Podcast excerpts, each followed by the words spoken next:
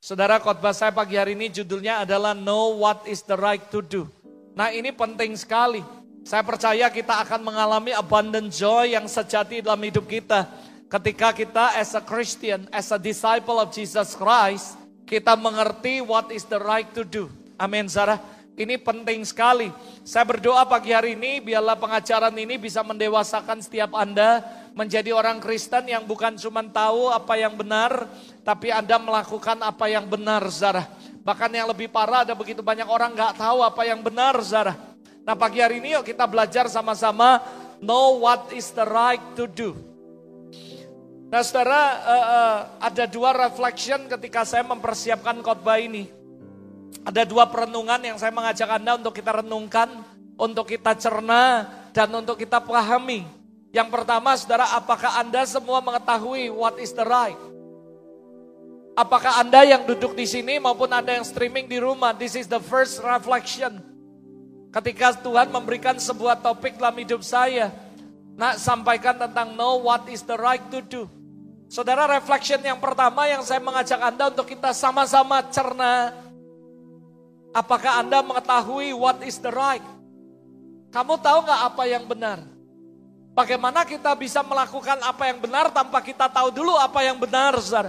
Yang setuju katakan amin, saudara. Ini penting sekali.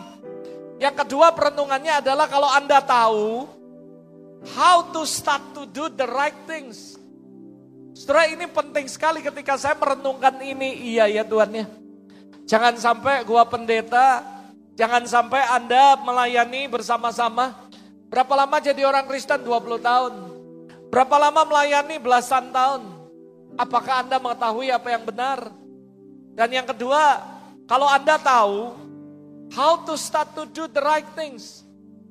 Gimana mulainya? How to start to do? Gimana mulainya untuk melakukan hal-hal yang benar?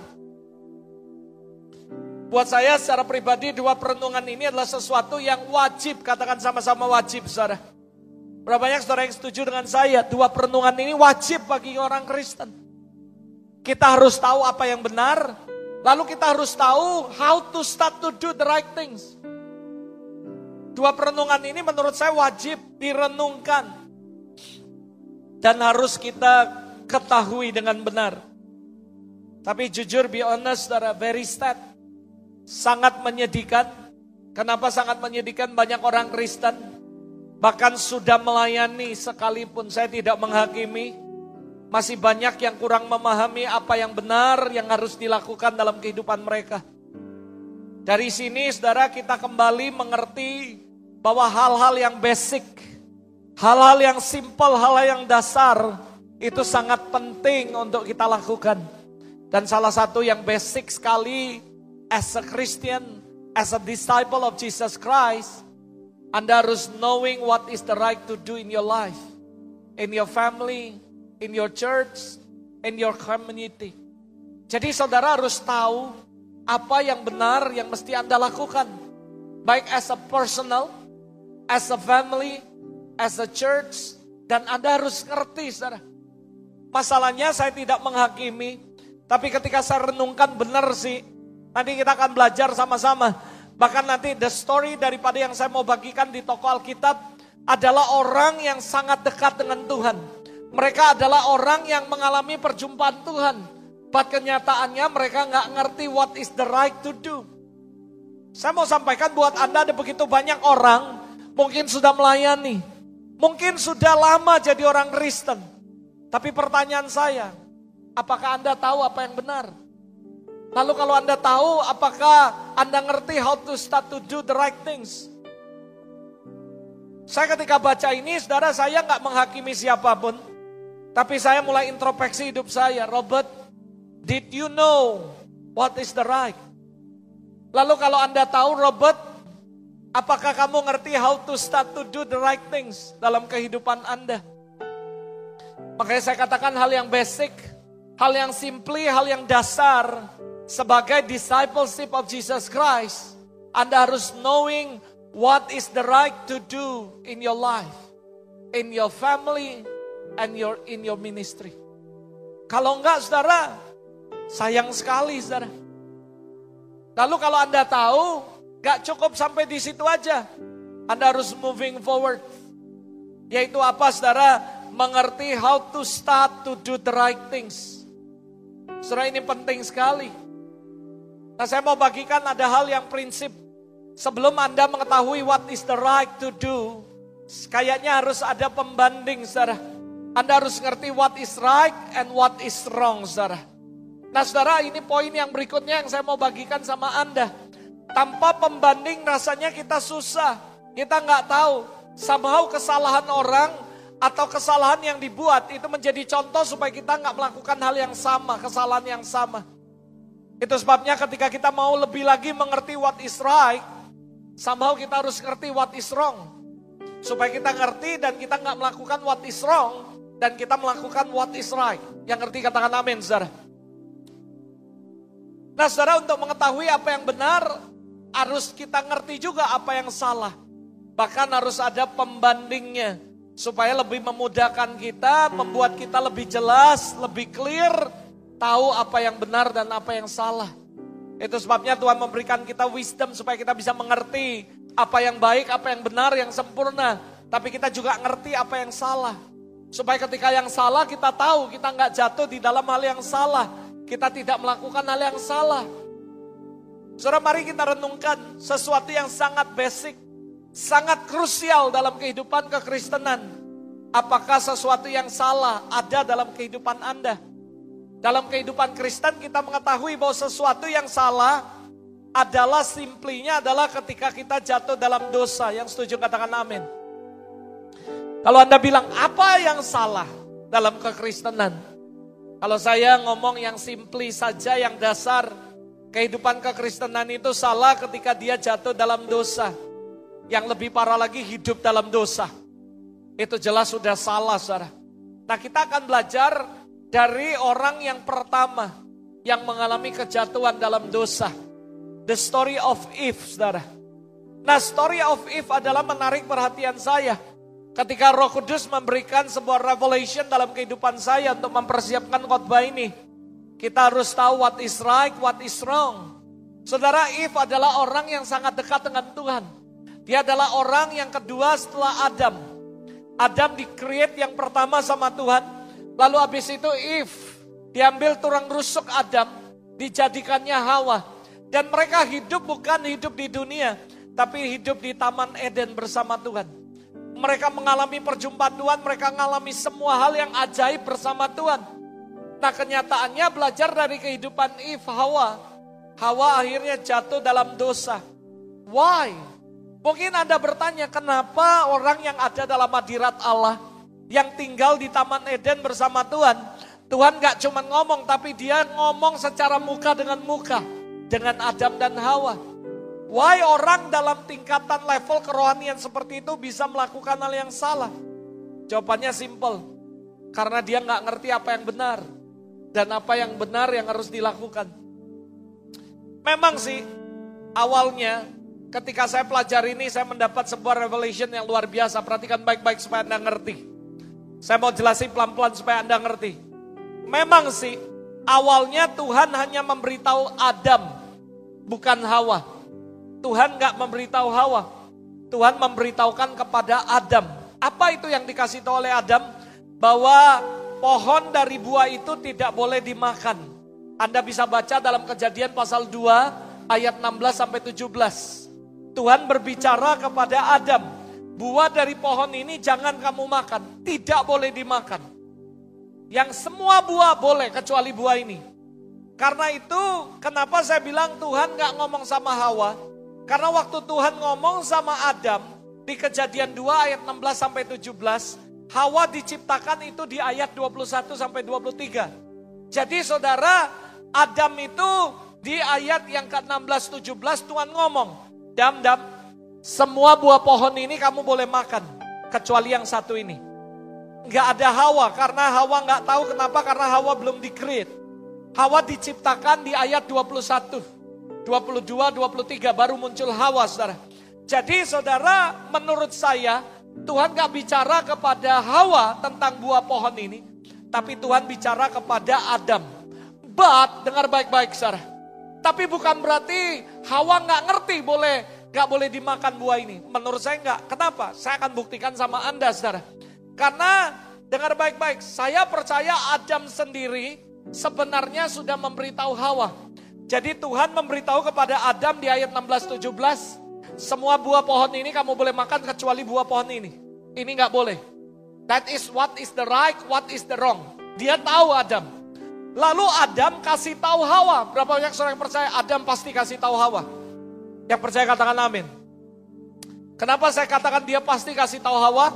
Satu Hawa istrinya. Yang kedua ada di ayat ini nanti Anda baca. Nah saudara kenapa saudara? Karena dengar baik-baik Adam sendiri sebenarnya udah kasih tahu Hawa mengenai itu. Bahkan dia menambahkan, katakan menambahkan. Lebih keras lagi, menambahkan. Tuhan ngomong sama Adam, Adam kamu gak boleh makan buah ini. Tapi Adam dapat pengertian what is right, what is wrong. Lalu dia menambahkan, apa yang ditambahkan Adam? Adam menambahkan batasan. Bahwa bukan cuman gak boleh dimakan, bahkan gak boleh disentuh. Anda bisa lihat jawaban Hawa kepada ular dalam kejadian 3 ayat 33. Kalau Adam nggak kasih tahu Hawa, gimana Hawa bisa tahu bahwa bukan cuma dimakan, ini nggak boleh disentuh. Jadi Adam dapat perintah dari Tuhan, what is right to do. Yaitu buah ini nggak boleh dimakan. Lalu Adam ngasih tahu istrinya Hawa, bukan cuma nggak boleh dimakan, bahkan nggak boleh disentuh. Adam memberitahukan what is the right to do, bahkan dia menambahkan batasan. Jadi menurut saya Harusnya Hawa tahu what is the right to do. Yang setuju katakan amin. Kenapa? Karena Adam tidak cuma ngasih tahu bahwa buah ini nggak boleh dimakan. Bahkan dia memberikan batasan. Dia ngomong sama Hawa, bahkan jangan disentuh. Sentuh aja nggak boleh, apalagi makan, saudara. Jadi Adam takut istrinya nanti ngawur makan. Jadi karena Adam tahu what is the right to do, dia ngasih tahu istrinya bahkan dia tambahkan batasan. Tuhan gak ngomong gak boleh disentuh loh. Tuhan cuma ngomong gak boleh dimakan. Tapi karena dia takut, dia ngerti what is the right to do. Dia kasih tahu istrinya, sentuh pun jangan. Anda bisa baca kejadian 3 ayat 3 tentang jawaban daripada Hawa kepada setan Sarah. Namun Hawa sudah menerima larangan dari Adam. Namun dia tetap melanggar. Dan akhirnya dia makan buah itu. Harusnya dia taat dan sudah mengerti what is the right to do. Tapi dia nggak taat saudara. Dan sedap. Dan akhirnya ia jatuh ke dalam dosa. Hawa merasa buah ini baik untuk dimakan. Dan kelihatannya sedap ayat 6 saudara. Dan kenapa saudara dia ngomong kayaknya bagus. Dan kayaknya sedap. Kenapa dia bisa ngomong gitu? Karena dia nggak ngerti what is the right to do. Lalu dia memiliki pandangan bahwa memakan buah ini adalah sesuatu yang benar, baik untuknya. Padahal apa yang dipandang baik benar manusia belum tentu benar menurut Tuhan. Inilah hal yang krusial. Ketika kita tidak taat kepada Tuhan, saudara dengar baik-baik, kita pasti jatuh dalam dosa. Saudara harusnya dia ngerti what is the right to do. Tapi dia malah ngomong, Kayaknya buah ini bagus, menarik dan memberikan pengertian. Kayaknya buah ini enak kalau dimakan. Padahal Adam sedang ngomong, what is the right to do? Makanya saya ngomong sah, nggak garanti orang yang dekat dengan Tuhan mengerti what is the right to do. Saudara ini firman sebenarnya cukup dalam kalau Anda renungi. Iya ya pastor ya. Kadang-kadang kita ini ngomongnya sudah melayani Tuhan. Berapa lama melayani Tuhan? Belasan tahun. Tapi kita nggak ngerti what is the right to do. Ketika Tuhan suruh kita melakukan ini, kita nggak lakukan, bahkan kita bantah dan tidak taat. Ada banyak orang ngomong sama Ama, Ama, tolong dong doain saya. Saya kepingin gini, saya kepingin gini, saya kepingin gini. Lalu dengan baik hati mama saya nggak menolak mendoakan mereka. Tapi masalahnya jujur yang saya temukan sampai hari ini, banyak orang nggak siap dengan jawaban yang berbeda dengan ekspektasi mereka. Mereka begitu dikasih tahu jawabannya, mereka tidak melakukan. Bahkan mereka tetap melakukan apa yang sudah mereka planning sebelumnya. Kenapa? Karena mereka nggak ngerti what is the right to do. Ini yang terjadi dari story of Eve. Hawa ngalami seperti itu. Udah dikasih tahu sama Adam, ini buah, jangan kamu makan. Bahkan sentuh pun jangan. That is the right. Tapi dia punya pengertiannya sendiri. Tapi kayaknya buah ini enak, lagian menarik memberikan pengertian. Saudara ketika kita meleset, ketika kita tidak taat dengan apa yang Tuhan suruh, kita pasti jatuh dalam dosa. Simpelnya what is wrong ketika kita jatuh dalam dosa. Yang lebih parah lagi kita hidup dalam dosa. Ada banyak orang Kristen ngomongin Tuhan, bicaralah dalam hidupku. Tuhan aku serahkan hidupku. Biar kendakmu yang jadi bukan kendakku. Cuman ngomong doang. Waktu Tuhan kasih tahu, kita nggak ngerti what is the right to do. Dan saya kasih tahu buat Anda, jalanku bukan jalanmu kata Tuhan. Rancanganku bukan rancanganmu. Jalanku, jalanmu bedanya langit dan bumi. Untuk ngikuti apa yang Tuhan mau, itu nggak mudah, susah. Adam udah jelas dikasih tahu, Adam, kamu boleh makan semua buah apa pun di taman ini, kecuali yang satu ini. Lalu Adam kasih tahu Hawa, what is the right to do? Sama halnya dengan gereja. Hamba Tuhan, Nabi Tuhan dapat pesan Tuhan. Sampaikan ke jemaat. Ingat ya, kalian gak boleh gini, kalian harus gini. Tapi masih aja mereka gak ngerti what is the right to do. Mereka menyimpang, saudara. Dan akhirnya mereka jatuh, saudara. What is right to do is not easy to do. Nah saudara itu yang menyebabkan mereka jatuh dalam dosa. Yang lebih parahnya lagi Adam. Kenapa? Karena dia dapat langsung dari Tuhan. Tapi dia terpengaruh juga sama istrinya. Dan ikutan jatuh saudara. Padahal Adam tahu what is right. Betul gak saudara? Banyak saudara yang setuju. Adam tahu what is right. Tapi dia gak ngerti how to do. Banyak orang Kristen tahu firman. Banyak anak-anak orang Tuhan, hamba-hamba Tuhan, orang Kristen, semua ngerti firman. Berapa banyak saudara yang tahu bahwa ngomongi orang itu dosa? Angkat tangan saudara. Angkat tangan jujur saudara. Tapi kenapa masih banyak orang yang suka ngomongi orang? Mereka tahu what is right, tapi mereka nggak ngerti what to do. Berapa banyak saudara tahu bahwa ngejeleki orang di belakang, fitnah orang itu dosa, saudara angkat tangan. Tapi berapa banyak orang Kristen masih suka melakukan itu? Saya sering ngomong dengan beberapa hamba Tuhan, udahlah kita sesama hamba Tuhan jangan saling menghakimi. Saling mendoakan benar, saling menguatkan benar, bukan saling menghakimi. Udahlah kita sesama pelayan, sesama orang Kristen. Kalaupun dia ada salah bukan tugas kita untuk menghakimi dan menelanjangi. Saya beberapa kali ditelepon orang-orang, Pastor kamu tahu nggak hamba Tuhan ini? Kamu tahu nggak ini? Kamu tahu nggak ini? Saya bilang, saya nggak mau tahu dan saya tidak perlu tahu. Pokoknya kalau Anda dengar apa pun ya, Anda harus punya filter. Yang pertama, apakah benar? Yang kedua, apakah berguna? Kalau udah nggak benar, nggak berguna, ngapain didengar? Itu rabi sampah. Yang benar pun belum tentu untuk kita konsumsi. Ada pendeta jatuh dalam dosa. Oh pastor tahu nggak sih ini jatuh dalam dosa ini loh, dalam dosa ini. Ya kalaupun itu benar, itu bukan bahan untuk kita konsumsi. Lalu akhirnya kita menghakimi. Kita tahu what is the right. Bahwa Tuhanlah yang menghakimi bukan kita. Kita siapa? Sehingga kita menganggap diri kita paling benar. Yesus sendiri ketika ketemu dengan orang berdosa.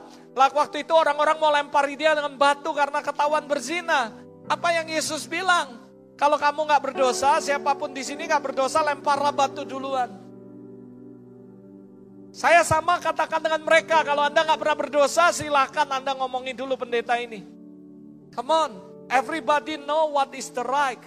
Tapi mereka nggak ngelakukan. Mereka nggak ngerti what is to do. Saya berdoa supaya kita jangan cuma ngerti what is the right.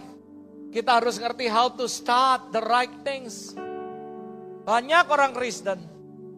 Berapa banyak saudara tahu bahwa melawan orang tua itu dosa? Angkat tangan. Tapi berapa banyak ada yang mau melawan orang tua sampai sekarang? Berapa banyak saudara yang tahu bahwa kita suami harus mengasihi istri seperti diri kita sendiri? Berapa banyak suami mukul istri? Banyak saudara, saya nggak perlu sebutin intinya satu saudara. Kita harus jadi orang Kristen, ngerti what is the right, tapi juga ngerti melakukan apa yang benar. Jangan cuma tahu yang benar tapi nggak melakukan yang benar. Nah itulah saudara ahli farisi. Saya nggak mau jadi ahli farisi, saya mau jadi pelaku firman. Sekali lagi saudara, balik lagi ke Eve. Akhirnya dia jatuh dalam dosa. Saya mau kupas sedikit tentang dosa. What is definition daripada dosa? Dosa kalau Anda pelajari bahasa aslinya, itu adalah harmatia.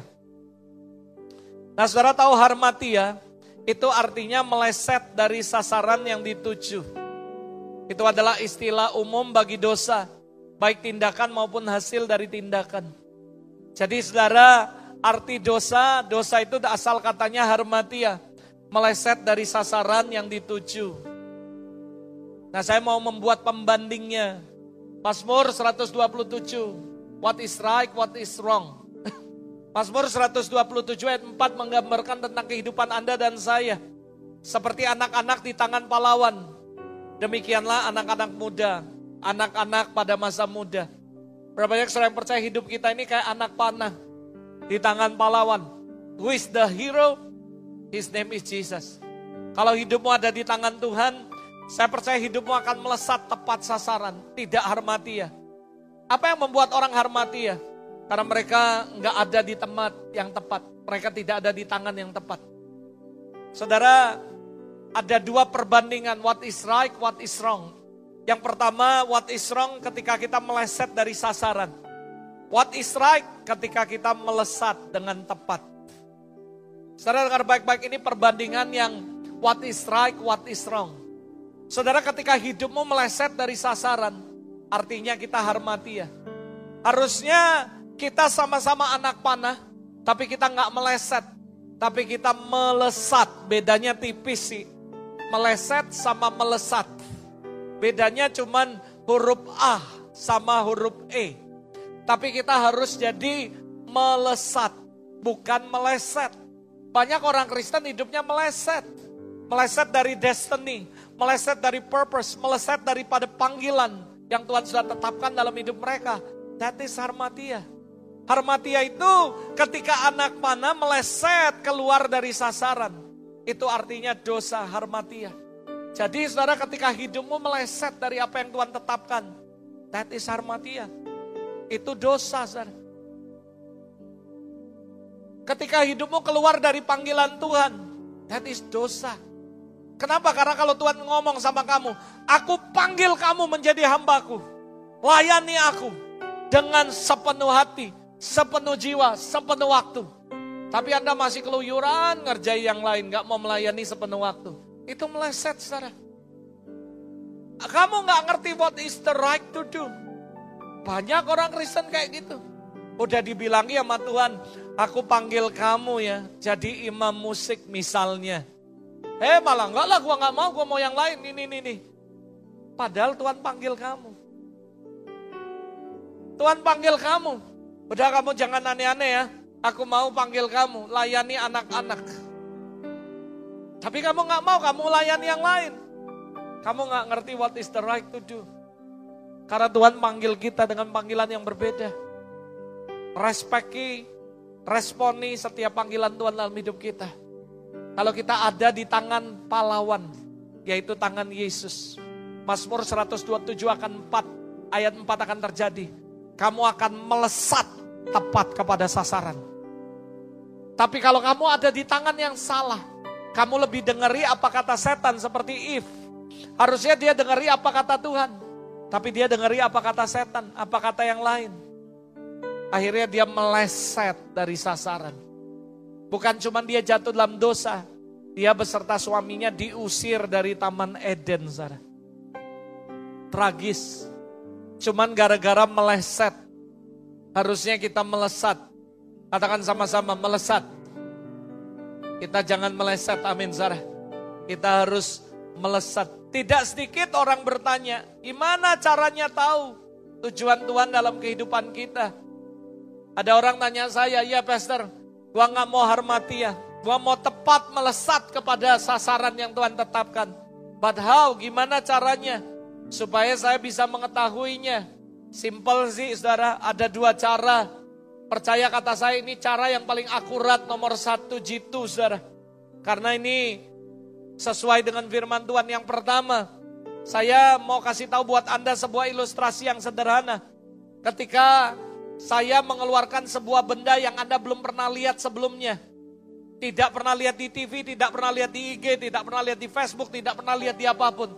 Saya katakan ini barangnya. Anda nggak akan tahu gunanya apa, fungsinya apa, kecuali satu, saudara. Anda bertanya kepada yang penciptanya. Yang setuju katakan amin, yang ngerti katakan amin.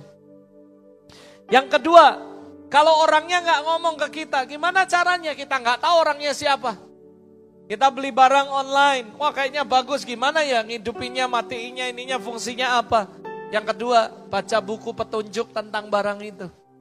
Dan saudara kalau saudara mau tahu, gimana aku bisa tahu what is the right dalam hidup saya, tujuan supaya saya nggak melesat. Saya ngerti ada dua, yang pertama, as our creator. Who is our creator? Jesus Christ. Yang kedua, Bible. Because Bible as our manual book. Alkitab itu manual book hidup Anda. Jadi kalau Anda berdoa tanya Tuhan, Tuhan akan kasih tahu dan dia pasti kasih tahu. Anda di-create, diciptakan untuk apa? What is your calling? What is your purpose? Yang Tuhan taruh dalam hidup Anda, Anda pasti tahu. Masalahnya cuma satu, gimana Anda bisa tahu wong Anda nggak pernah tanya Tuhan. Yang kedua, kalaupun Anda berkata Tuhan, Pastor saya udah doa sih, tapi roh kudus nggak ngomong-ngomong.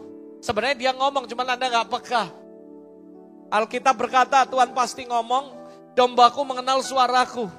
Cuman karena Anda nggak bersekutu dengan Tuhan, Anda nggak ngerti itu Tuhan, dan dia sedang bicara. Nah apa yang mesti aku lakukan? Simple, baca manual book tentang hidup Anda. Bible, Alkitab adalah manual book.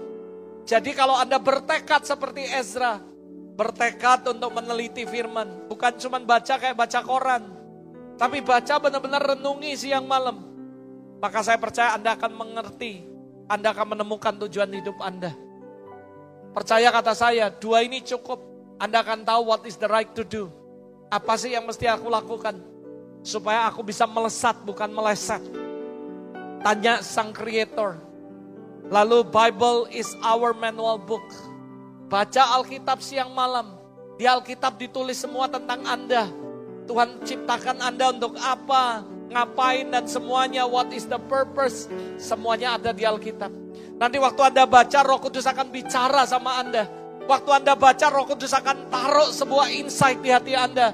Dan Anda bisa ngerti, oh ini. Setelah Anda ngerti what is the right, lakukan. Maka saya percaya hidupmu akan melesat. Makanya one of the value yang kita bangun di gereja ini yaitu have purpose, have quality, have have impact. Saudara. Karena buat saya, kalau Anda kehilangan uang, Anda bisa cari. Anda kehilangan nambah baik, by the time nanti kebenaran akan muncul seperti fajar. Dan pasti akan pulih nama baik Anda. Mau Anda difitnah, mau Anda di ngomongi orang, dihakimi orang, by the time semuanya akan dipulihkan. Tapi but if you lose your purpose, you lose everything in your life. Kalau kamu kehilangan tujuan hidup, kamu sebenarnya sudah mati. Walaupun penguburanmu 50 tahun yang akan datang. Ketika kamu kehilangan tujuan hidup, maka saya percaya hidupmu gak ada gairah lagi. Dan sebenarnya, saya kasih tahu buat Anda, kita udah gak ada gunanya. Karena kita hidup tapi tanpa tujuan hidup. Jadi kalau Anda bertanya, how to know our life target, our life purpose. Dua hal ini saudara. Jadi yuk sama-sama Pagi hari ini saya mengajak Anda untuk kita belajar sama-sama to finding what is the right to do. Yuk kita cari apa sih yang benar yang harus kita lakukan. Saudara, saya mau kasih basically supaya Anda ngerti sekali lagi. Dari semua kesimpulan yang saya tadi bagikan di awal, kita harus mengerti dulu apa yang benar. Barulah kita akan dapat melakukan apa yang benar. Tanpa mengetahui apa yang benar, anda nggak akan bisa tahu bagaimana melakukan yang benar, saudara. Sudah next slide, Vito. Ketika kita mengerti apa yang benar, barulah kita dapat melakukan apa yang benar. Saudara, gimana caranya kita bisa melakukan apa yang benar? Kalau kita sendiri nggak ngerti apa yang benar. Basically kalau Anda ngomong supaya aku bisa melakukan apa yang benar, Anda harus tahu dulu apa yang benar. Ketika Anda tahu apa yang benar, baru Anda bisa melakukan apa yang benar. Hakim-hakim 7 ayat 16 menceritakan bagaimana kondisi semua orang Israel waktu itu. Pada zaman itu tidak ada raja di antara orang Israel. Tidak ada pemimpin. Makanya jadi liar semuanya. Apa yang mereka lakukan? Setiap orang Alkitab mencatat berbuat apa yang benar menurut pandangannya sendiri. Nah ini mengerikan. Karena tidak ada pemimpin, tidak ada raja. Sehingga waktu itu Hakim-Hakim 17 ayat 6. Sebuah situasi yang mengerikan. Kondisi yang mengerikan. Tidak ada pemimpinnya, tidak ada raja di situ. Jadi semua orang berbuat apa yang benar menurut pandangan mereka sendiri. What is the right things? Apa sih yang benar? Semua orang berkata sesuatu yang benar itu menurut mereka masing-masing. Sama seperti kejatuhan manusia pertama, yaitu Eve, Adam dan Hawa. Hawa merasa buah itu bagus, buah itu benar menurut pandangannya sendiri. Hari-hari ini di hadapan dihadapkan kita dihadapkan dengan hal yang sama. Seringkali ada begitu banyak orang merasa paling benar. Apa yang mereka pikirkan itu yang paling benar. Apa yang mereka khotbahkan itu yang paling benar. Apa yang mereka pikirkan, ngomongi itu yang paling benar. Yang lain salah. Cuman golongan mereka yang paling benar. Yang lain sesat. Saya mau kasih tahu buat Anda, kondisi seperti ini sebenarnya bahaya. Semua orang bisa bebas ngomong di YouTube sekarang. Dan semua orang mengklaim bahwa mereka lah yang benar, saudara. Buat saya, saya nggak mengajak Anda untuk kita menghakimi siapa pun. Tapi hari ini saya mengajak Anda untuk kita belajar mengerti what is the right. Baru kita bisa melakukan apa yang benar. Nah, hakim-hakim 17 ini ngeri. Gak ada raja, gak ada pemimpin. Semua orang merasa dirinya benar dan melakukan apa yang benar menurut pandangannya sendiri. Bayangkan kalau di gereja gak ada pemimpin, gak ada gembala. Lalu semua orang merasa benar melakukan apa yang benar menurut pandangan sendiri. Itu bahaya. Sangat berbahaya. Hari-hari ini itu yang terjadi. Mulai menghakimi orang. Oh dia salah, gua yang benar. Oh dia bukan dari Tuhan, gua yang dari Tuhan. Oh yang ngomong yang benar itu pengajaran kita, pengajaran dia salah. Buat saya secara pribadi, apa pun itu kalaupun terjadi, kita jangan ikut-ikut saudara. Amin saudara. Karena buat saya kalau kita mau tahu apa yang benar, kita harus punya role model. Kita harus punya prototype yang setuju katakan amin. Who is the real prototype? Saya nggak ngomong hamba Tuhan mana pun. Buat saya the real prototype is Jesus. Siapa pun yang hidupnya sesuai dengan kehidupan Jesus, that is right. Kita nggak bisa ngomong bahwa ikut aku, aku yang paling benar. Simple saudara, kita punya manual book sesuai gak dengan firman Allah. Kita nggak usah ngomong bahwa kita dapat yang dari Tuhan, yang lain bukan. Tapi kita harus punya role model, contoh yang benar. Jesus say, I'm the way, the truth, and the life. Aku ini jalan. Gak ada jalan lain kecuali aku. Tidak ada seorang pun yang datang kepada Bapa kalau tidak melalui aku. Dan dia juga berkata, I'm the way, the truth, and the life. Dia itu kebenaran, Artinya kalau Anda mau tahu siapa yang benar, kebenaran seperti apa, follow Jesus Christ. Kalau Anda lihat perkataan, pikiran, perbuatan sama seperti Yesus, that is right. Saya nggak percaya kalau Anda berkata bahwa gue yang paling benar, tapi hidupnya suka ngomongi orang, jelek-jeleki orang, hidupnya nggak benar. Saya sering ngomong sama Anda, eh dengar, tantangan Anda semua untuk berkhotbah di sini simple, saudara. Berkhotbah di mana pun di gereja is not in the pulpit the life of Christianity yang sebenarnya.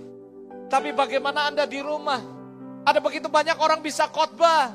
Tapi bagaimana kehidupan Anda setelah Anda keluar dari gereja turun dari mimbar? Apakah sama dengan apa yang Anda khotbahkan? Banyak orang Kristen tahu what is the right. Tapi mereka nggak ngerti what is the right to do.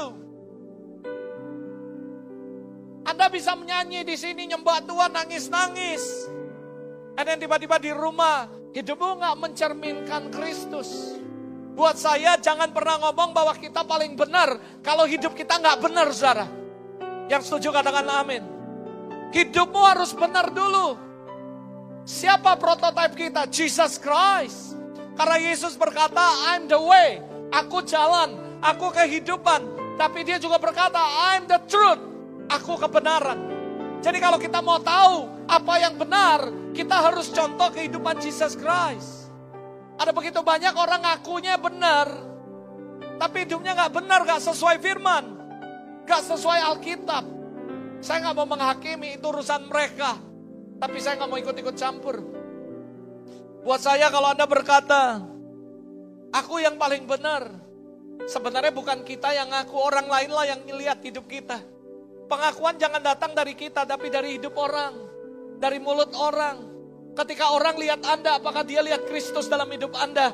Ketika orang lihat hidup Anda, apakah lihat ada kebenaran dalam hidup Anda? Apakah Anda hidup benar? Apakah Anda melakukan hal yang benar? Oh kalau semua orang ditanya, pasti dia yang paling benar.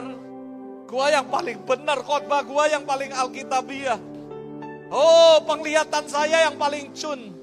Pendengaran saya gak salah, Tuhan ngomong, yang lain bukan. Roh kudusnya saya yang paling kuat. Saya kasih tahu buat Anda. Yesus sendiri ngomong, kalau Anda mau lihat orang tersebut lihat dari buahnya lah akan kelihatan. Saudara dari buahnya lah kita akan tahu pohon itu baik atau enggak. Pohon yang baik akan mengeluarkan buah yang baik. Yang nggak baik pasti akan mengeluarkan yang nggak baik. Yang setuju katakan amin. Dan salah satu yang paling konkret, yang simply, yang dasar dari perkataannya lah akan akan tahu apa yang ada dalam hati orang tersebut. Kalau ngomongannya itu nyakiti, ngomongannya tuh jeleki orang terus, wah paling seneng ngomongi orang. Mama saya tahu persis. Ada orang ngomong, Pastor tahu nggak pendeta ini? Saya nggak mau tahu. Oh nanti saya ceritain ya tentang ini. Saya nggak mau telepon. Karena buat saya itu bukan sesuatu yang untuk dikonsumsi kita. Ngapain kita ngurus hidup orang lain? Hidup kita sendiri perlu diperbaiki. Jangan kita lihat saudara selumbar di mata orang lain kita bisa lihat balok di depan kita kita nggak bisa lihat. Kita paling senang hakimi hidup orang. Wah itu gak sungguh-sungguh. Wah itu gak benar. Tapi kita gak sadar bahwa kita juga banyak hal yang gak benar. Buat saya secara pribadi, what is the right? It's Jesus Christ himself. Because Jesus say, I'm the truth. Aku kebenaran. Saya ngomong sama anak-anak rohani saya. Percuma lu jago khotbah. Kalau hidupmu gak jadi berkat di rumah. Gak usah ngomong bangsa-bangsa. Gak usah ngomong Eropa. Jadi berkatlah di rumah dengan istri Anda, anak Anda, dan mertua Anda. Baru Anda bisa jadi berkat bagi banyak orang. Saya akan memberi platform ini untuk orang-orang yang mereka juga, saya akan lihat, saya akan tanya istrinya. Jangan Anda ngomong, oh pastor aku ini udah doa, tidak perlu. Saya cuma nanya sama istrinya, gimana sih ini? Dari istrinya saya tahu bagaimana kehidupan orang itu. Saya kasih tahu ya, Sebenarnya kalau ada Grammy Award, citra apa segala macam, aktor terbaik, peran wanita, peran pria terbaik, itu gereja lah yang dapat juara sana. Kenapa? Karena mereka di gereja semua kayak malaikat. Tapi begitu sampai rumah, mereka berubah semua. Saya berharap dengar baik-baik, terutama semua volunteer yang ada di IFCF Palembang. Saya berharap apa yang ada hidupmu di gereja, harus sama seperti di rumah. Sehingga keluargamu akan berkata, benar Christ live in you. Yang setuju katakan amin sana. Anda boleh tanya hidup saya jangan di mimbar. Jangan lihat saya khotbah, lihat tanya JJ. Tanya mama, tanya istri saya. That is the real life daripada Pastor Robert. Karena 24 jam kami ada bersama-sama. Percuma cuma jago khotbah. Kalau kita nggak jadi teladan. Saya sering ngomong, jangan pernah khotbahkan apa pun yang kamu sendiri nggak lakukan.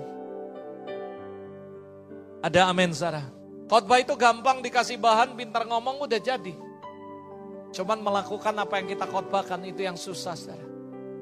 Apakah orang lihat Kristus dalam kehidupan Anda? Satu Raja-Raja 11 ayat 38. Tuhan berbicara kepada Salomo. Dan dia menjadikan Daud sebagai prototipe. Dia berkata, dan jika engkau mendengarkan segala perintahku segala yang kuperintahkan kepadamu dan hidup menurut jalan yang kutunjukkan dan melakukan apa yang benar di mataku dengan tetap mengikuti segala ketetapan perintahku seperti yang dilakukan hambaku Daud maka aku akan menyertai engkau. Aku akan membangunkan bagimu suatu keluarga yang teguh seperti kubangun kepada Daud dan aku akan memberikan orang Israel kepadamu. What is the right to do? Waktu kita mendengarkan segala perintah Tuhan dan melakukannya menurut jalan yang ditunjukkan kepada Tuhan. Tetap berpegang pada perintah Tuhan dan melakukannya. That is the right. Ada amin, Sarah. Itu yang benar yang harus kita lakukan. Matius 7, 24, 27. Sama, setiap orang yang mendengar perkataanku dan melakukannya, ia sama dengan orang yang bijaksana mendirikan rumah di atas batu. Tapi orang yang mendengar, dia tahu kebenaran. They know what is the right. Tapi mereka nggak melakukan. Mereka seperti orang yang membangun rumah di atas pasir. Ada badai, ada bencana, ada apa pun. Buat saya pandemik ini adalah salah satu seleksi alam yang roh kudus buat bagi semua orang Kristen. Di sini kelihatan yang mana sungguh-sungguh, yang mana nggak sungguh-sungguh. Yang mana sungguh-sungguh beribadah, yang mana nggak sungguh-sungguh beribadah, ketahuan di masa pandemik. Ada yang takut ke gereja, tapi nggak takut kalau ke mana-mana. Ada yang takut untuk beribadah kepada Tuhan dan merasa, wah nggak mungkin cukup lah. Kita aja susah masa pandemik, gimana mau memberi untuk pekerjaan Tuhan? Semuanya ketahuan. Setiap Anda, saya bersyukur sama Tuhan. Dari awal pandemik, satu tahun pertama, Tuhan suruh kami nabur gila-gilaan, satu keluarga. Dan kami lakukan itu. Kami nggak keluar ke mana-mana, kami nggak ngerjain apa-apa. Tapi kami harus memberi lebih dari apa yang kami dapat. Dan kami lakukan itu. Sampai hari ini Tuhan buat survive. Dua tahun lebih. Sampai dengan hari ini. Gereja bisa survive. Kita sekeluarga bisa survive. Anak saya bisa kuliah di tempat yang terbaik. Dan semuanya oke. Okay. Dan saya tahu this is the Lord. Saudara, pandemik ini buat saya adalah ujian bagi setiap kita, ujian iman, ujian kesetiaan, ujian ketaatan. Berapa kali ketika Tuhan ngomong sama kami, nabur nak, berbuat baik, berkati hamba Tuhan. Sampai dengan hari ini, kami masih memberkati para hamba Tuhan. Sampai detik ini. Kemarin saudara saya ngomong sama mama, I wanna bless one pastor. Sebenarnya pastor ini kaya sih, bukan pastor susah. Tapi gak apa-apa roh kudus gerakin saya untuk memberkati dia. Dan mama saya ngomong, kenapa? Ya gini-gini saya cerita. Lalu mama bilang, ya sudah. Saya ngomong sama istri saya.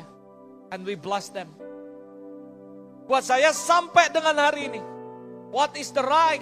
Ketika kamu mendengarkan Tuhan. Memegang perintahnya, melakukannya. That is the right. Itu yang benar. Jangan cuma know what is the right, tapi kita nggak pernah tahu dan tidak melakukan apa yang baik yang mesti kita lakukan yang benar. Buat saya, Matius 7, 24, 27 terbukti. Selama ini, bagaimana Anda membangun kehidupan Anda di atas batu atau di atas pasir. Kalau Anda bangun di atas batu, artinya Anda dengarkan Tuhan dan lakukan apa yang dia suruh. Sampai hari ini, apa pun yang dia suruh, I will do it. Kami akan lakukan. Mama ngomong, satu yang Tuhan suka dari kehidupan kita. Tuhan bilang kalian tuh taat, nurut. Apa pun yang aku suruh. Aku tahu kadang-kadang kalian juga gak mampu, tapi kalian tetap lakukan. Makanya aku suka. Dan sampai hari ini aku ada dan nyata dalam kehidupan kalian. Tadi pagi kita dilawat Tuhan. Tadi pagi kita ngalami hal yang dahsyat bersama-sama di doa pagi. Dan saya tahu Tuhan ngomong, nak Pokoknya kalau kalian dengeri aku, aku pagari kalian. Aku jagai hidup kalian. Aku pagari gereja ini. Dan aku jagai gereja ini. Saya bersyukur sama Tuhan saudara. God is a good God. Sampai hari ini bukan cuma survive. Tapi sampai hari ini kita semua dilindungi Tuhan. Amin saudara. Dan saya percaya ini akan terus berlaku. Saya berdoa supaya kita jangan cuma tahu what is the right. Tapi kita harus ngerti what is the right to do. Ada amin Sarah. Bangun kehidupan Anda di atas batu karang yang teguh. Bagian yang terakhir yang saya mau bagikan, ini adalah bagian yang penting. Ada empat hal yang penting ketika Anda membangun rumah kehidupan Anda. Bicara tentang Matius 7 bagaimana membangun kehidupan Anda. Saya mau meletakkan sebuah dasar yang penting sekali. Kalau Anda bicara mengenai bangunan, mengenai kehidupan, apa yang mesti Anda pikirkan, apa yang mesti Anda lakukan. Yang pertama, kalau Anda pelajari tentang bangunan, ada empat bagian esensial dalam membangun.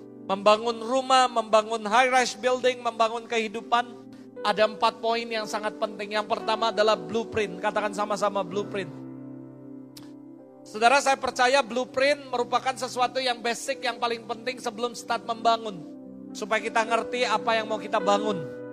Blueprint adalah sesuatu uh, yang sangat basic, sangat penting sebelum kita mulai start membangun. Harus ada prototipenya harus ada kejelasan apa yang mau kita bangun kehidupan kita. Nah, apa yang menjadi blueprint daripada kehidupan kita? Saya percaya blueprintnya satu, saya tadi udah jelaskan. Yaitu Jesus Christ. Kalau Anda berkata, jadi maksudnya apa Pastor? Maksudnya blueprint proses kehidupan yang kita mau bangun, yaitu menjadi serupa dengan Kristus. Kalau saya kasih istilah kembali kepada kodrat ilahi, yaitu menjadi serupa segambar dengan Tuhan Saudara, Roma pasal 3 ayat 23 jelas sekali. Karena manusia jatuh ke dalam dosa, meleset tadi saudara. Apa yang terjadi ketika manusia meleset? Dia kehilangan kemuliaan Allah. Nah makanya saudara, Adam yang pertama gagal. Tuhan utus Adam yang kedua. His name is Jesus. Dan inilah yang membawa kita kembali untuk kita melesat tepat kepada sasaran kalau Anda berkata, Pastor kehidupan seperti apa yang aku mau bangun? Dengar, hidup Anda dan saya dibangun. Blueprintnya jelas, serupa segambar dengan Kristus. Tujuan daripada hidup kita bukan jadi kaya, bukan jadi terkenal, but be like Jesus Christ. Jadi kalau Anda tanya, blueprint Anda apa? Blueprintnya sederhana. Kita kembali kepada kodrat ilahi. Kata digunakan untuk gambar rupa Allah dalam teks aslinya bahasa Alkitab dalam bahasa Ibrani itu adalah Teslem dan Demun. Nah ini penting sekali dua kata ini saudara digabung tapi tanpa kata penghubung. Kejadian 1 ayat 26. Baiklah kita menjadikan mereka serupa segambar dengan kita. Nah Teslem Demun ini saudara dua kata yang digabung tapi tidak dikasih kata penghubung saudara. Nah saudara secara terpisah. Teslem artinya sering diartikan sebagai gambar.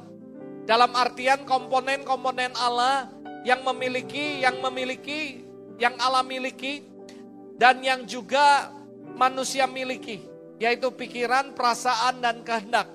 Sedangkan demun itu artinya keserupaan, kemiripin, kemiripan yang menunjukkan kualitas. Kejadian 1 ayat 27. Maka Allah menciptakan manusia menurut gambarnya. Menurut gambar Allah diciptakannya dia laki-laki dan perempuan. Nah secara kejadian 1 27 ini ayat ini Allah menciptakan manusia menurut taslem. Bukan demun Sarah. Tidak ada keserupaan. Tapi yang ada menurut gambarnya. Nah ini menunjukkan pada kualitas atas komponennya yaitu pikiran, perasaan, dan kehendak. Sementara kata demun lebih menunjukkan kepada kemiripan, keserupaan dengan Allah yang dimiliki oleh manusia tidak bersifat statis, melainkan progresif, saudara. Mengalami proses perkembangan. Karena itu sebagai manusia pertama, Adam harus mengembangkan diri keserupaan yang dipimpin oleh roh kudus. Sehingga dia menjadi Bukan cuma segambar tapi memiliki komponen-komponen lainnya saudara. Memiliki kualitas keserupaan atau demun itu menjadi tanggung jawab kita.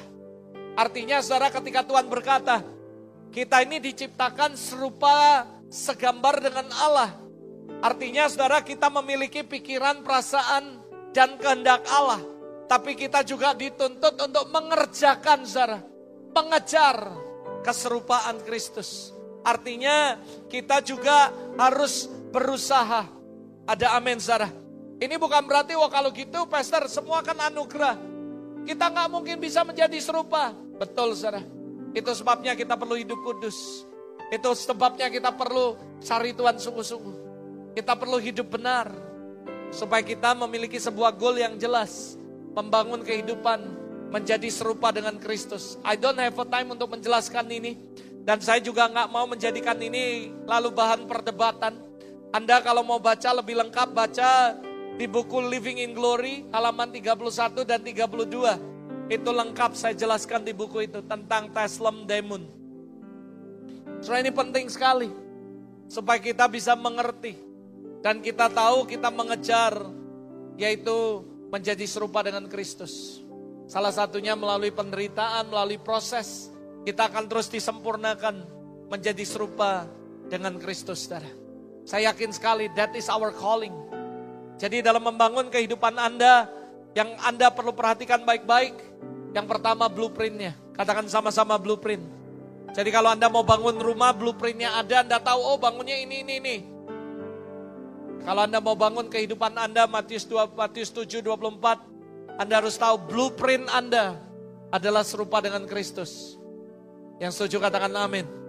Hal yang kedua dalam membangun, yaitu fondasi. Fondasi ini penting sekali. Fondasi selalu bicara mengenai sesuatu hal yang gak tampak, gak kelihatan, unseen factor. Tapi ini penting sekali. High rise building pasti selalu memiliki fondasi yang dalam. Gedung Petronas di Malaysia tingginya 452 meter, tinggi sekali. Fondasi yang dibangun adalah kurang lebih 120 meter, saudara. Kenapa? Karena kalau fondasi tinggi, kalau fondasi dalam maka dia punya ketinggian yang lebih tinggi. Kalau Anda membangun kehidupan yang tinggi, Anda harus membangun fondasi yang lebih dalam. Itu sebabnya Yesus mengajar kita. Kalau Anda mau jadi yang terbesar, jadilah rendah hati. Karena saya percaya, kalau Anda mau bangunan kehidupan Anda lebih tinggi dan menjadi berkat, artinya Anda harus bangun fondasi yang dalam.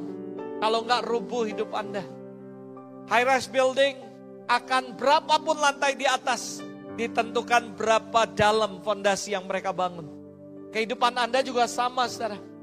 Nah kalau Anda tanya dalam kekristenan apa fondasi yang paling penting? Tiga, saudara. Catat baik-baik. Buat saya yang pertama, fondasi yang paling penting yang harus Anda bangun dalam hidupmu, yang gak kelihatan, orang gak tahu kecuali Anda. Blueprint juga gak jelas, bisalah kita lihat di orang blueprintnya seperti ini. Tapi fondasi nobody know kecuali Anda dengan Tuhan. Lalu pastor, apa fondasi kehidupan kita? Yang pertama takut akan Tuhan. Fondasi yang pertama yang harus Anda bangun dalam hidup Anda, takut akan Tuhan. Takut akan Tuhan ini gak kelihatan. Gak bisa kelihatan, gak bisa tampak. Yang tahu cuman kamu sama Tuhan. Ketika kamu sendirian di rumah gak ada orang. Apa yang kamu lakukan, apa yang kamu pikirkan. Ketika kamu mengalami yang gak enak, apa yang kamu lakukan, apa yang kamu pikirkan. Nobody knows. Takut akan Tuhan kecuali Anda dengan Tuhan. Dan buat saya dalam hidup kekristenan fondasi yang paling penting salah satunya. Takut akan Tuhan. Kenapa saudara bahkan Salomo orang yang paling kaya. Orang yang paling berhikmat. Dia berkata di akhir pengkhotbah. Dia ngomong semuanya sia-sia. Dan dia berkata takutlah akan Allah. Dan berpeganglah pada perintahnya. Pengkhotbah pasal 12 pasal yang terakhir, ayat 13. Dia berkata, takutlah akan Allah. Dia ini udah paling kaya. Tidak ada kaya, tidak ada raja yang sekaya Salomo. Sebelum bahkan sesudah. Tidak ada raja yang paling berhikmat kayak Salomo. Hikmatnya luar biasa. Tapi dia ngomong semua sia-sia. Artinya kalau kamu jadi orang pinter sekalipun Anda bilang itu fondasi yang terbaik. Salomo lebih pintar dari kamu dan dia bilang sia-sia. Kalau kamu ngomong duit, yang penting duit, duit, duit. Salomo jauh lebih kaya dari Anda. Ujung-ujungnya dia berkata semua sia-sia. Dan dia ngomong, takutlah akan Allah. Berpeganglah pada perintahnya. That is the solid foundation yang harus kita bangun dalam kehidupan kekristenan. Yang kedua adalah pikiran, perasaan seperti Kristus. Filipi 2 ayat 5 sampai 8 memberikan contoh yang komplit dari Kristus. Rendah hati, taat melakukan kehendak Bapa. Saudara saya yakin sekali Filipi 2 ayat 58. Hendaklah kamu dalam hidupmu bersama menaruh pikiran, perasaan yang terdapat dalam Kristus. Yesus yang walaupun dalam rupa Allah tidak menganggap kesetaraan dengan Allah sebagai sebuah milik yang harus dipertahankan. Melainkan mengosongkan dirinya, mengambil rupa seorang hamba, menjadi sama dengan manusia. Dan dalam keadaan sebagai manusia yang merendahkan dirinya dan taat sampai mati. Bahkan mati di kayu salib. Jadi kalau Anda bertanya, what is the foundation dalam kehidupan kita?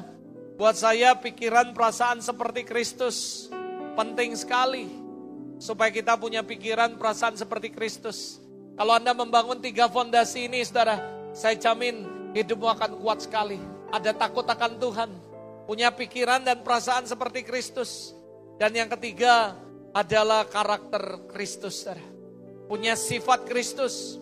Tuhan Yesus sendiri memberi contoh bagaimana ia mengasihi Bapa. Karena itu dia mengingatkan kita untuk mengasihi Tuhan dengan segenap hati, all in all. Dan saya percaya ini harus menjadi fondasi yang kuat dalam kehidupan Anda. Nobody knows kecuali Anda dengan Tuhan. Tapi tiga hal ini akan menentukan seberapa tinggi Tuhan akan bawa kehidupan Anda. Tiga hal ini akan membawa Anda dibawa Tuhan seberapa tinggi tergantung fondasi ini. Seberapa takut Anda akan Tuhan. Apakah Anda punya pikiran perasaan seperti Kristus? Merendahkan diri, tidak menganggap setara dengan apa yang dia halap. Dia adalah raja tapi dia mengosongkan diri menjadi sama seperti manusia. Ini banyak orang belumlah kaya udah belagunya minta ampun. Kaya sih, tapi masih banyak yang lebih kaya. Hebat sih, tapi masih banyak yang lebih hebat. Dipakai Tuhan sih, tapi masih banyak yang lebih ajaib lagi dipakai Tuhan. Tapi kita udah merasa bahwa kita udah paling hebat di planet ini. Kita udah merasa paling kaya di planet ini. Tapi Yesus nggak lakukan itu. Saya berdoa supaya Anda punya tiga fondasi ini. Takut takkan Tuhan ada dalam kehidupan Anda. Anda punya karakter Kristus. Mengasihi Tuhan all in all. Anda punya pikiran Kristus. Dan saya percaya kalau Anda lakukan ini semua, wow, that is the great foundation. Yang akan menjadi sebuah kehidupan yang solid dalam kehidupan Anda. Yang ketiga, saudara, building. Setelah punya blueprintnya, setelah punya fondasinya yang gak kelihatan. Dan bangun fondasi ini lama. Saya pernah ke beberapa tempat project. Di beberapa tempat baik di dalam maupun luar negeri. Mereka tutupi seng, mereka tutupin semuanya, tapi kita nggak bisa lihat ngapain. Kok nggak bangun-bangun sih? Dua bulan, tiga bulan tetap nggak kelihatan apa pun. And then tiba-tiba baru kelihatan tinggi saudara. Tapi mereka kerja tiap hari. Apa yang mereka kerjakan? Membangun fondasi. Takut akan Tuhan, karakter Kristus. Pikiran, perasaan seperti Kristus. Nobody knows. Orang mungkin bilang, wah orang ini gak ngapa-ngapain. Tapi sedang membangun kehidupan. Belajar dari the story of Joseph. Dia takut akan Tuhan. Dia punya pikiran, perasaan Kristus. Dia nggak ngapa-ngapain dua tahun dilupakan orang, 13 tahun nggak jadi apa-apa. Cuman jadi budak, dijual ke Mesir, jadi budak, di penjara, and then after 30, 30, 13 tahun, tiba-tiba dia jadi penguasa. Kenapa? 13 tahun merupakan dia membangun fondasi. Setelah 13 tahun fondasinya jadi, Tuhan bawa dia terbang menjadi penguasa yang terbesar di Mesir. Mungkin hari-hari ini orang nggak lihat apa-apa dalam hidup Anda. Tapi kita sedang membangun kehidupan. Buat saya nih, masa pandemik dua tahun lebih nih. Harusnya menjadi masa di mana kita membangun fondasi. Setelah selesai, Tuhan akan bawa kita bangun bangunan yang lebih tinggi. Yang percaya katakan amin. Mungkin orang-orang akan lihat, wah nggak ngapa-ngapain. Ah, kita sedang membangun fondasi. Buat saya secara pribadi, dua tahun ini saya membangun fondasi. Dan saya percaya ketika fondasi itu selesai, maka kita akan siap membangun saudara. Yang percaya katakan amin. Yang ketiga adalah building. Setelah mengerti fondasi yang tidak kelihatan, baru kita bangun yang kelihatan. Rasul Paulus berkata, hidup Anda dan saya seperti batu hidup dalam pembangunan rumah rohani bagi suatu imamat yang kudus. 1 Petrus 2 ayat 5. Paulus juga berkata di dalam Kristus tumbuh seluruh bangunan, rapi tersusun, Diikat menjadi satu, menjadi bait Allah yang kudus. Efesus 2 ayat 21, Efesus 4 ayat 16. Jadi bangunan yang harus kita bangun adalah apa saudara? Buat saya secara pribadi, perbuatan kita. Dan termasuk perbuatan baik kita. Ada amin saudara. Saya percaya bicara mengenai bangunan, itu bicara mengenai sesuatu yang kelihatan. Pondasi adalah unseen factor, sesuatu yang gak kelihatan. Tapi bicara tentang bangunan adalah bicara sesuatu yang nyata, yang konkret. Salah satunya ada apa-apa, besar Perbuatan. Iman tanpa perbuatan kosong. Tong kosong nyaring bunyinya. Saudara saya percaya kalau kita fondasi membangun diri kita dengan Tuhan. Tapi bangunan bagaimana Tuhan membangun hidup kita menjadi berkat buat orang lain. Yang setuju katakan amin. Sesuatu perbuatan yang konkret, yang nyata yang kita lakukan. Sehingga semua orang melihat perbuatan kita dan memuliakan Bapa kita yang di sorga. Jadi bangunan bicara sesuatu yang nampak, sesuatu yang kelihatan. Salah satunya adalah apa saudara? Saya percaya the central salib daripada yang Tuhan ajarkan. Mengasihi Tuhan, bicara tentang fondasi. Tapi bicara tentang bangunan adalah mengasihi sesama saudara. Bicara tentang bangunan adalah perbuatan yang baik. Kita melayani, kita melayani orang, kita melayani semuanya Bahkan kita berbuat baik sebanyak-banyaknya. Even Jesus Christ yang diurapi, dia berjalan berkeliling berbuat baik, saudara. Artinya, setelah fondasi kehidupan jadi dalam hidup kita, kita harus jadi berkat yang setuju katakan amin. Kita harus melayani, melayani orang lain, berbuat baik. Ingat 1 Korintus 13, kasih itu sabar, kasih itu murah hati, ada general city dalam kehidupan kita. Galatia 5, 22, tapi buah roh itu kasih, sukacita, damai sejahtera, kesabaran, kemurahan, kebaikan, kesetiaan, kelemah lembutan, penguasaan diri. Ada kasih dalam kehidupan kita yang mengalir. Ada perbuatan baik, ada kesabaran, ada kemurahan. Semuanya kelihatan dalam kehidupan kita, saudara. Galatia 5 ayat 22 ini harus menjadi bukti konkret dalam pembangunan kita Bangunannya adalah hidup kita. Ada kasih Tuhan yang nyata. Kasih terhadap Tuhan. Itu bicara mengenai fondasi. Tapi kasih dengan sesama. Itu bicara mengenai pembangunan. Atau bangunannya saudara. Jadi ayo buat saya secara pribadi kalau kita ngomong takut Tuhan, cinta Tuhan. Tapi kita do nothing untuk orang lain. Hidup kita nggak jadi berkat. Sama aja tong kosong nyaring bunyinya. Paulus ngomong, sekalipun kamu bisa bahasa malaikat sekalipun tidak punya kasih, kamu nggak berguna. Ada bangunan yang nampak, perbuatan baik.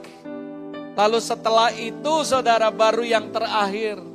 Setelah semuanya jadi, semuanya jadi. Saya percaya bicara tentang bangunan, kalau blueprintnya jelas, pondasinya jelas, bangunannya jelas. Untuk mempercantik bangunan, itu baru dikasih interior saudara. Interior berkata mengenai sesuatu yang lebih dalam lagi dari sekedar bangunan di luar. Itu mempercantik, memberikan dampak yang lebih lagi untuk orang lain, termasuk untuk pekerjaan Tuhan. Saya sebut ini excellent spirit, saudara. Anda bukan cuma melayani, tapi serve with excellent spirit. Ada amin, saudara. Interior bicara mengenai skillful. Interior bicara mengenai godly skill, leadership dan godly leadership ini bicara mengenai bagaimana kita melayani semua dengan excellency. Karena kita percaya our God is a God of excellence. Ada amin saudara. Tuhan gak pernah kasih yang ecek-ecek. Tuhan mau kita jadi berkat berbuat sesuatu. Tapi berbuat yang terbaik saudara. Interior bicara mengenai sesuatu yang bukan cuma nampak. Tapi mempercantik, memperindah kehidupan kita. Sehingga orang akan berkata, wow seperti Salomo. Bahkan Ratu Seba hanya untuk datang melihat menyaksikan bagaimana hikmatnya. Ratu Seba berkata, dahulu aku cuma dengar dari orang, tapi hari ini aku lihat sendiri. Berbahagialah semua orang, pegawaimu dan semuanya. Dia diberkati, dia melihat bagaimana Salomo mempersembahkan korban kepada Tuhan. Dia lihat bagaimana Salomo beribadah. Dia lihat bagaimana Salomo berkorban untuk Tuhan. Bahkan dia melihat bagaimana karyawannya, pegawainya duduk, waktu makan, waktu semuanya. Excellent, sir. Saya percaya hidupmu akan jauh lebih bermanfaat. Ketika kita punya the spirit of excellence dalam kehidupan kita. Itu interior saudara. Anda bukan cuma jadi berkat, tapi hidupmu memiliki interior. Sehingga orang akan berkata, wow, wow, wow. Kenapa saudara? Karena mereka bukan cuma lihat Kristus dalam hidup Anda, tapi mereka lihat the spirit of excellence dalam kehidupan kita. Sangat menyedihkan saudara, ada begitu banyak orang Kristen. Mereka pokoknya yang penting rohani, rohani, rohani. Tapi mereka menurunkan begitu banyak standar. Mereka nggak lagi hidup dengan spirit of excellence. Saya berdoa biar kita bukan cuma melayani, tapi kita melayani dengan spirit of excellence. Yang setuju katakan amin, saudara. Dan saya percaya empat hal ini adalah sesuatu yang sangat penting yang harus kita bangun dalam kehidupan kita. Satu Tawarik 25. Bagaimana Raja Daud bukan cuma melayani, tapi dia membangun the spirit of excellence. Kalau Anda baca satu Tawarik 25, Raja Daud memilih orang-orang yang ahli seni. Setelah ahli, mereka tetap dilatih, saudara. Mungkin ada berkata, mereka sudah ahli ngapain dilatih? Karena Daud nggak mau memberikan Tuhan yang biasa-biasa. Dia memberikan di atas rata-rata. Karena dia punya spirit of excellence. Saudara, Saudara Salomo nggak memberikan persembahan yang ecek-ecek kepada Tuhan. Alkitab mencatat, Salomo memberikan korban tidak terhitung, tidak ternilai banyaknya saudara. Raja Daud ketika dia memelayani Tuhan, dia memberikan dengan excellent. Saudara saya percaya, interior bicara mengenai spirit of excellence dalam kehidupan kita. Jangan cuma jadi berkat, jangan cuma rohani, tapi kita harus more daripada itu, lebih daripada itu. Punya excellent spirit. Yang mau katakan amin, Sarah. Jadi yuk, kita udah ngerti what is the right. Tapi jangan cuma tahu what is the right. Kita harus mengerti dan kita harus tahu how to start. Bagaimana kita mulai melakukannya. Hal yang benar semua tahu, tapi saya berdoa supaya Anda ngerti. Ingat ya, ada empat poin penting tadi.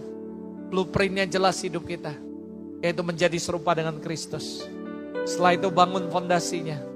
Takut akan Tuhan itu lebih penting dari apa pun. Even Salomo yang paling kaya, yang paling berhikmat, dia berkata, takutlah akan Allah. Dan berpeganglah pada perintahnya. Saya berdoa supaya hidup Anda dibangun dengan fondasi yang benar. Takut akan Tuhan pikiran perasaan seperti Kristus dan punya sifat karakter Kristus. Lalu kita ngerti bangunannya bahwa semua itu bagus, tapi harus ada bukti konkret supaya kita jadi berkat buat orang. Ada perbuatan, ada kasih untuk orang lain. Waktu kita melayani dan ditambahkan dengan interior, yaitu layani dengan spirit of excellence. Kita melayani orang lain berbuat baik, lakukan dengan spirit of excellence saya berdoa supaya semua orang dunia lihat dan mereka akan memuliakan nama Bapakmu di sorga. Oleh karena hidupmu bukan cuma rohani, tapi kamu punya spirit of excellence.